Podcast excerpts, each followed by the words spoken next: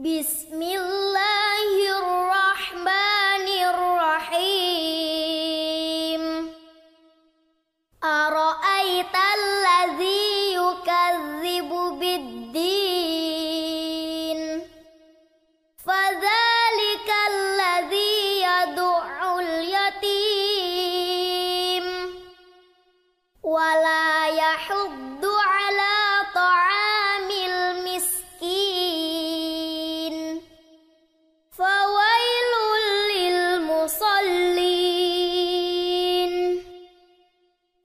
والذين هم عن صلاتهم ساهون. الذين هم يراءون. ويمنعون